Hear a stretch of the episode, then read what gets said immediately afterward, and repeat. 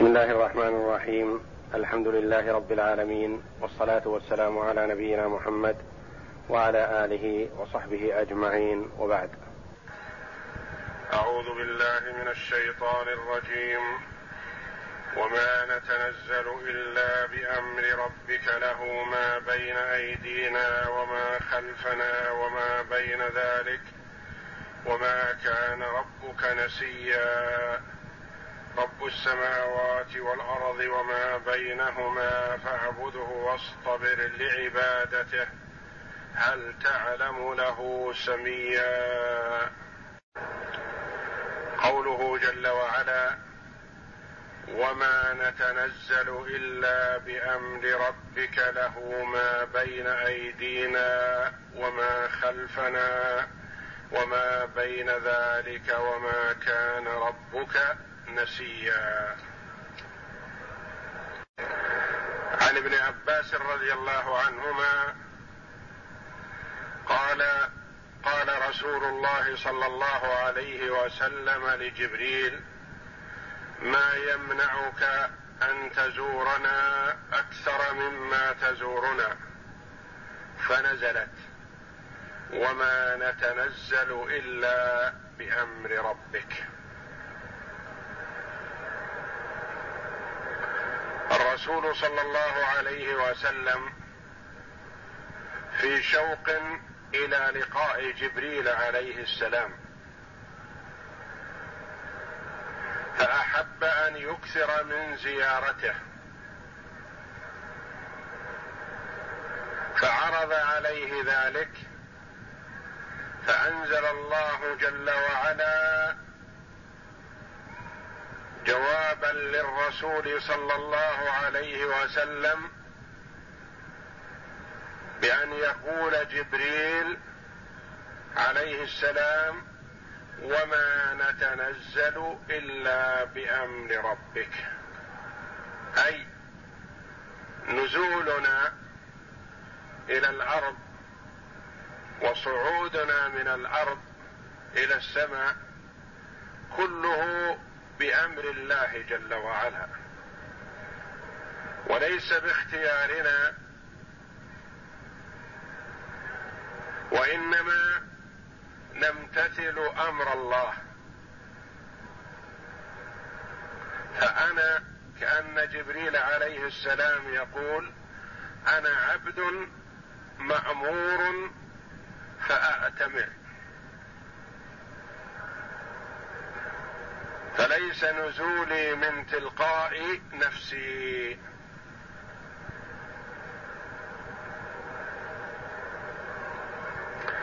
وروي أن اليهود سألوا النبي صلى الله عليه وسلم عن أمور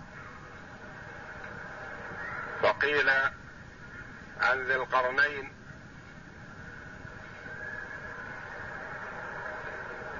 وعن أمور أخر. فقال الرسول صلى الله عليه وسلم غدا أخبركم. وكأنه لم يقل إن شاء الله. فتأخر جبريل صلى الله عليه وسلم عن النزول إلى محمد صلى الله عليه وسلم. قيل تأخر أربعين يوما وقيل خمسة عشر يوما وقيل اثني عشر يوما وقيل ثلاثة أيام. فلما نزل جبريل عليه السلام وكان قد أبطأ على محمد صلى الله عليه وسلم قال لقد أبطأت علي حتى ظننت أن بربي علي موجدة. فقال الله جل وعلا جوابا لسؤال النبي صلى الله عليه وسلم وما نتنزل إلا بأمر ربك له ما بين أيدينا وما خلفنا وما بين ذلك. وما كان ربك نسيا.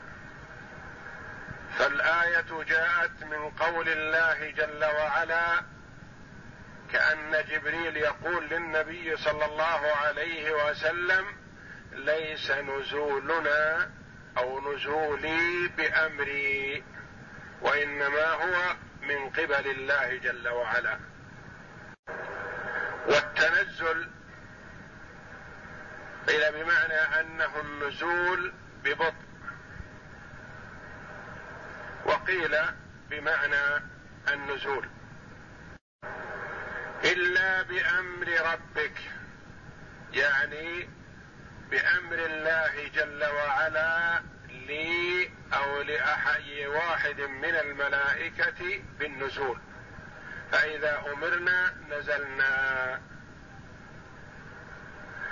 له ما بين أيدينا ما أمامنا من أمور الآخرة كلها لله جل وعلا. وما خلفنا ما تركناه خلفناه وراءنا من أمور الدنيا. وما بين ذلك وقت الحال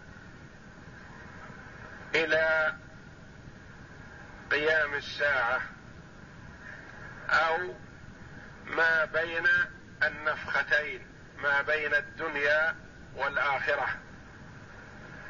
له ما بين أيدينا وما خلفنا وما بين ذلك. فهو جل وعلا المالك المتصرف وحده لا شريك له. وما كان ربك نسيا. فالله جل وعلا لا ينسى ولا يتعرض له النسيان.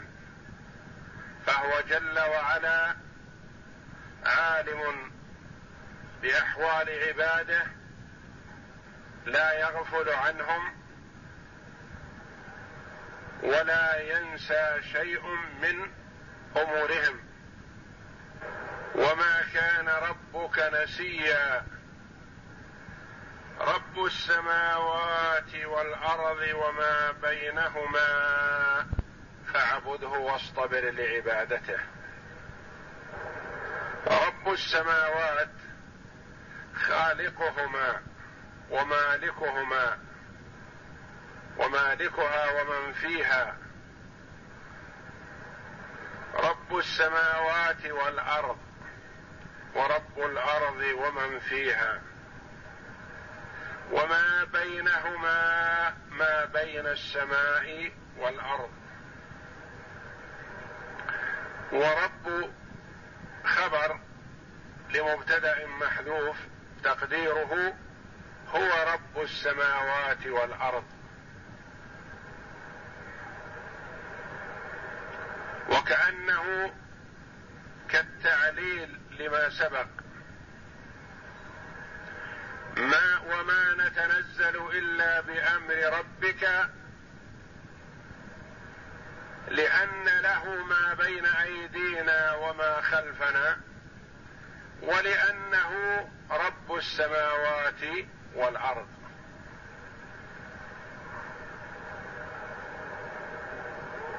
فليس لنا تصرف إلا بأمره لأنه هو المالك المتصرف في جميع خلقه بما شاء وكيفما شاء جل وعلا. فاعبده هو المستحق للعبادة وحده لا شريك له. ما دام أنه هذه صفته فاعبده. واصطبر لعبادته.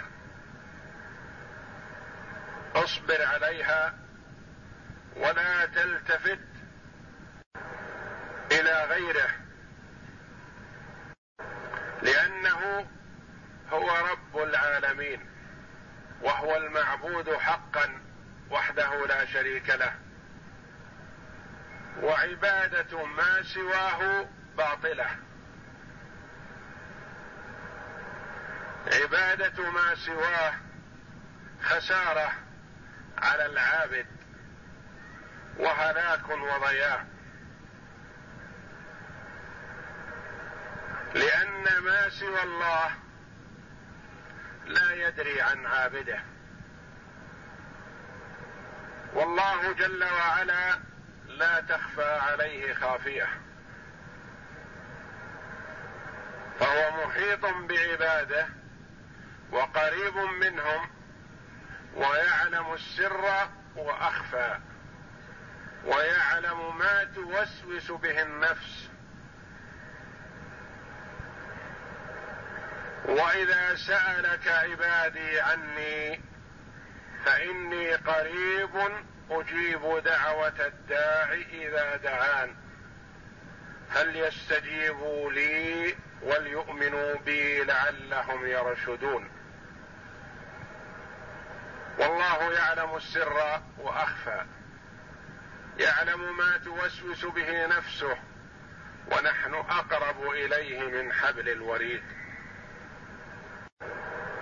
هل تعلم له سميا؟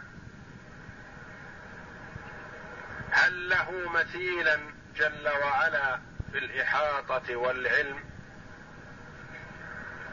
والاطلاع والسمع والبصر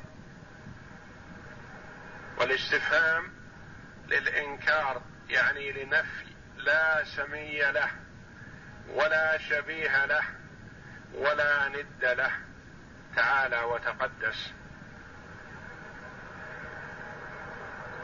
فليس له مثيل ولا نظير. هل تعلم له سميا؟ هل تعلم له مثيلا؟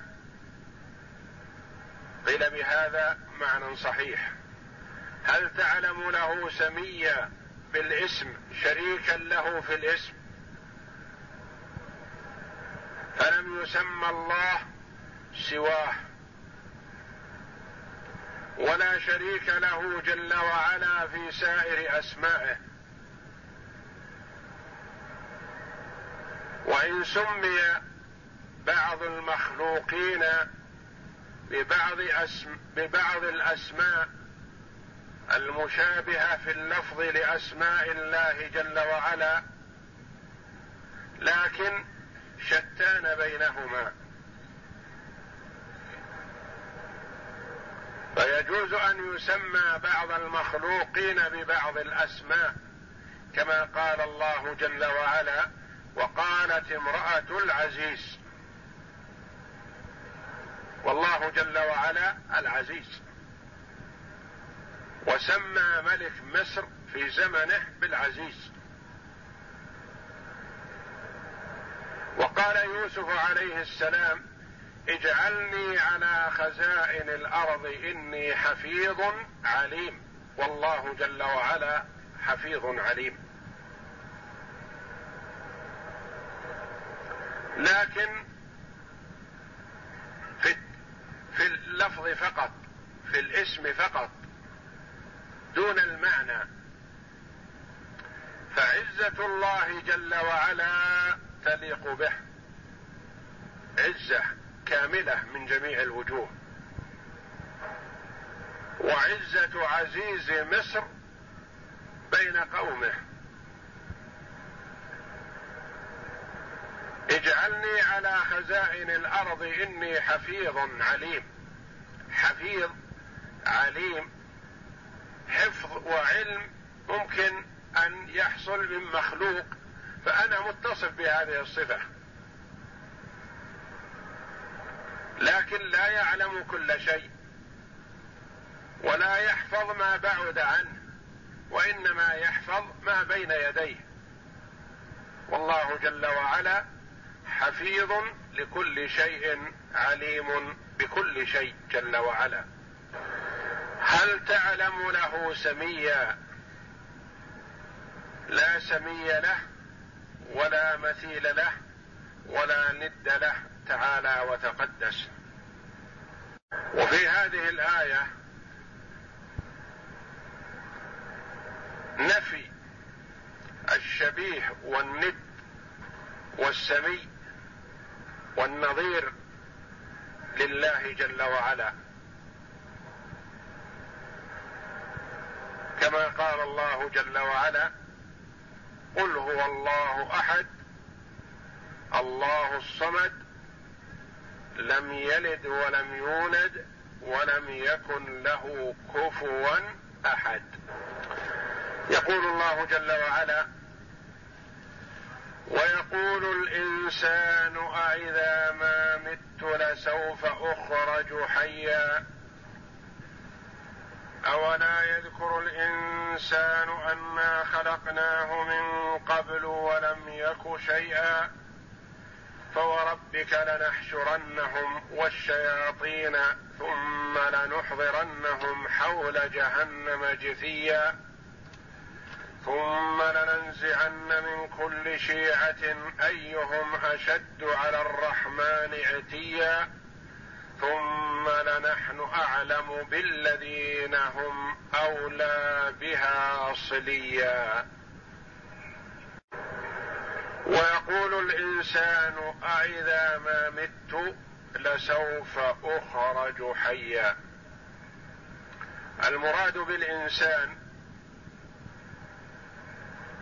قيل نزلت في أبي بن خلف.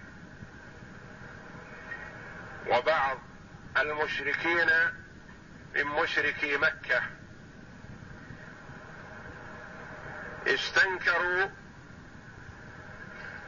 إخبار النبي صلى الله عليه وسلم عن البعث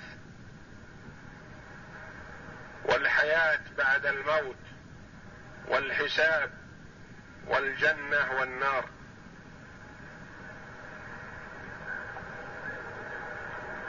وقيل المراد بالإنسان هنا الكافر مطلقا لأن الكفار ينكرون البعث.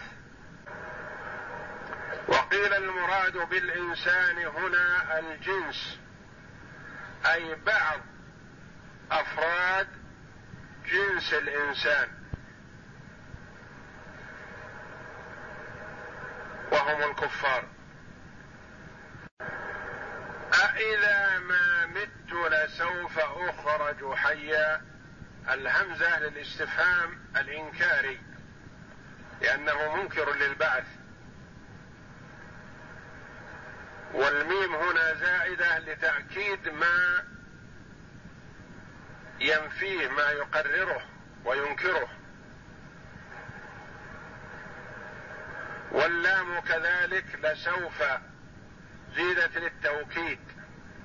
كأنه يستبعد كل البعد ويجهل من يقرر البعث وهو النبي صلى الله عليه وسلم. أإذا ما مت لسوف أخرج حيا. إذا كنت رميما في التراب ترابا داخل التراب أأعود حيا سويا كما كنت في الدنيا؟ كما كنت الآن يستنكر ذلك ويستبعده. فجاء الجواب من الله جل وعلا. قائلا أولا يذكر الإنسان انا خلقناه من قبل ولم يك شيئا؟ أولا يتذكر نسي أصله نسي مبدأه هل كان شيئا موجودا من قبل؟ كان معدوما. ثم وجد.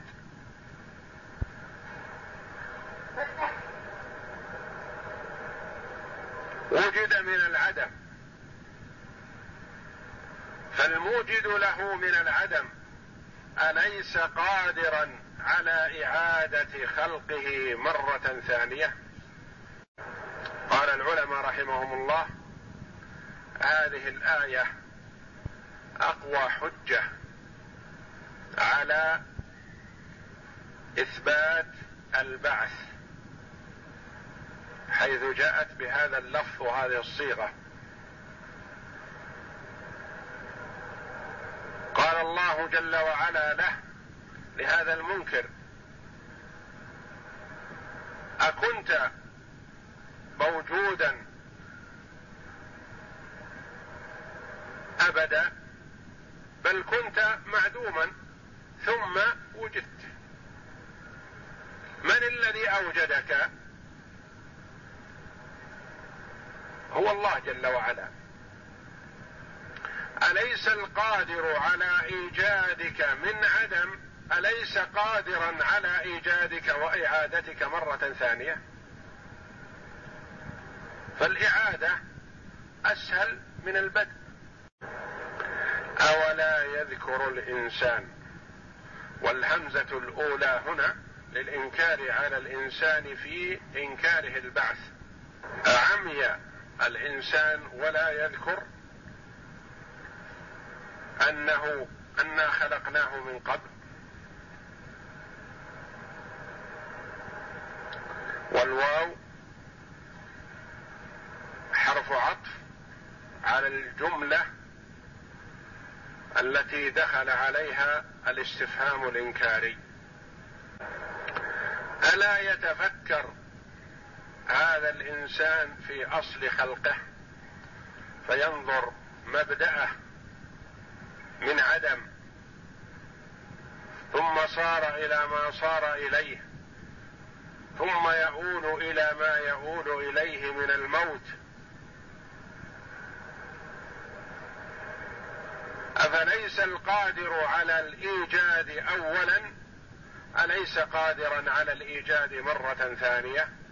بل هو أهون. وقرئ أولا يذكر الإنسان بالتشديد أي بمعنى ألا يتذكر الإنسان.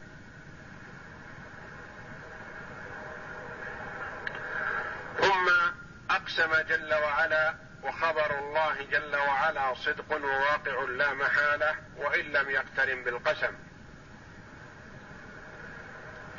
وأقسم بذاته بربوبيته تعالى وأضاف ربوبيته إلى محمد صلى الله عليه وسلم تشريفا للرسول صلى الله عليه وسلم فقال فوربك لنحشرنهم. والحشر الجمع. فوربك لنحشرنهم. لنسوقنهم إلى المحشر. بعد إخراجهم من قبورهم أحياء. والشياطين.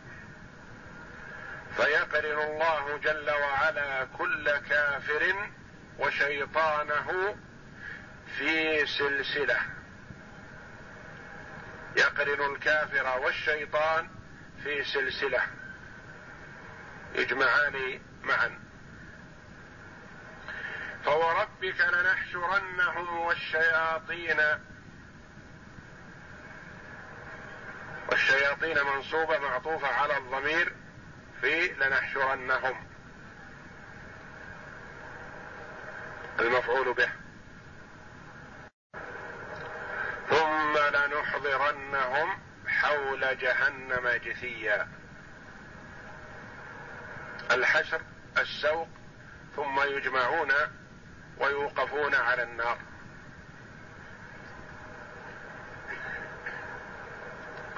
جثيا من جثى على ركبتيه يعني جلس على ركبتيه.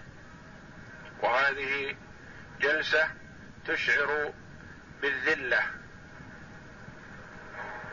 وقيل لكثرة العالم وضيق المكان.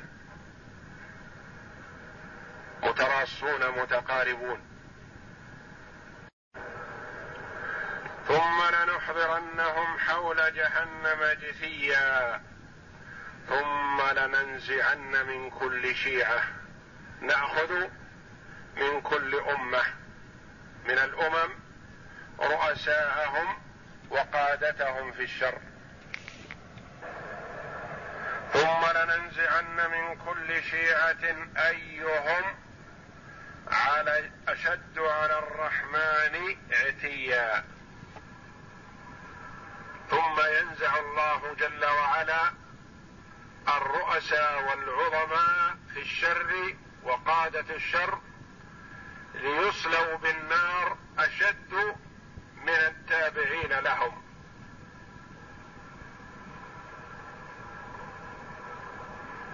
وأي هنا مبنية على الضم وهي بمعنى الذي.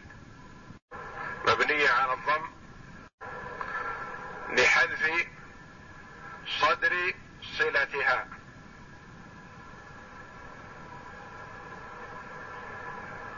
وهي في محل نصب. والعامل فيها لننزعن من كل شيعة أيهم. فالمنزوع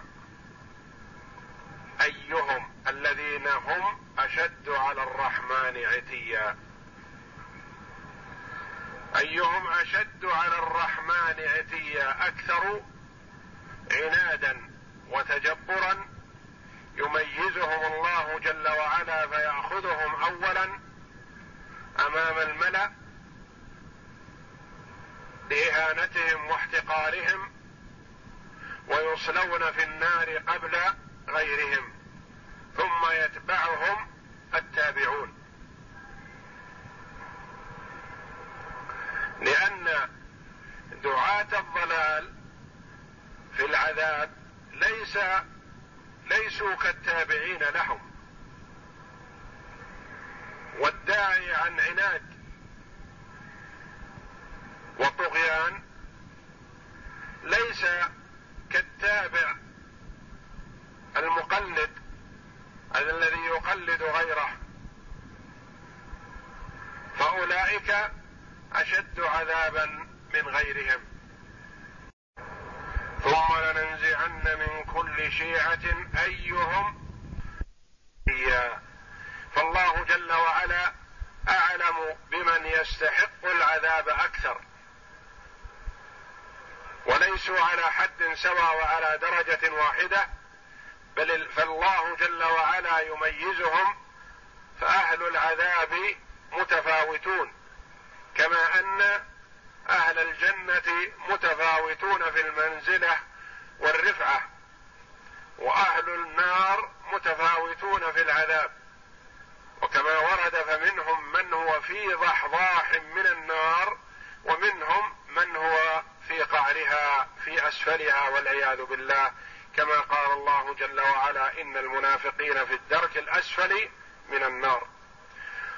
والله جل وعلا يعطي كل إنسان ما يستحقه. وما ربك بظلام للعبيد. إن الله لا يظلم الناس شيئا ولكن الناس أنفسهم يظلمون. ثم لنحن أعلم بالذين هم أولى بها. فهم متميزون على غيرهم في العذاب مع اشتراك غيرهم معهم. المقلدون لهم مشتركون معهم لكن أولئك أميز.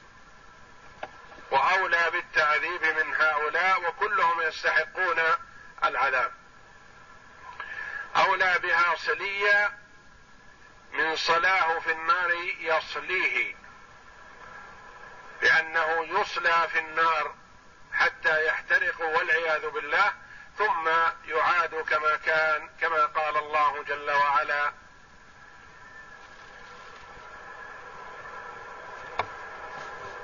بدلناهم جلودا غيرها كلما نضجت جلودهم بدلناهم جلودا غيرها.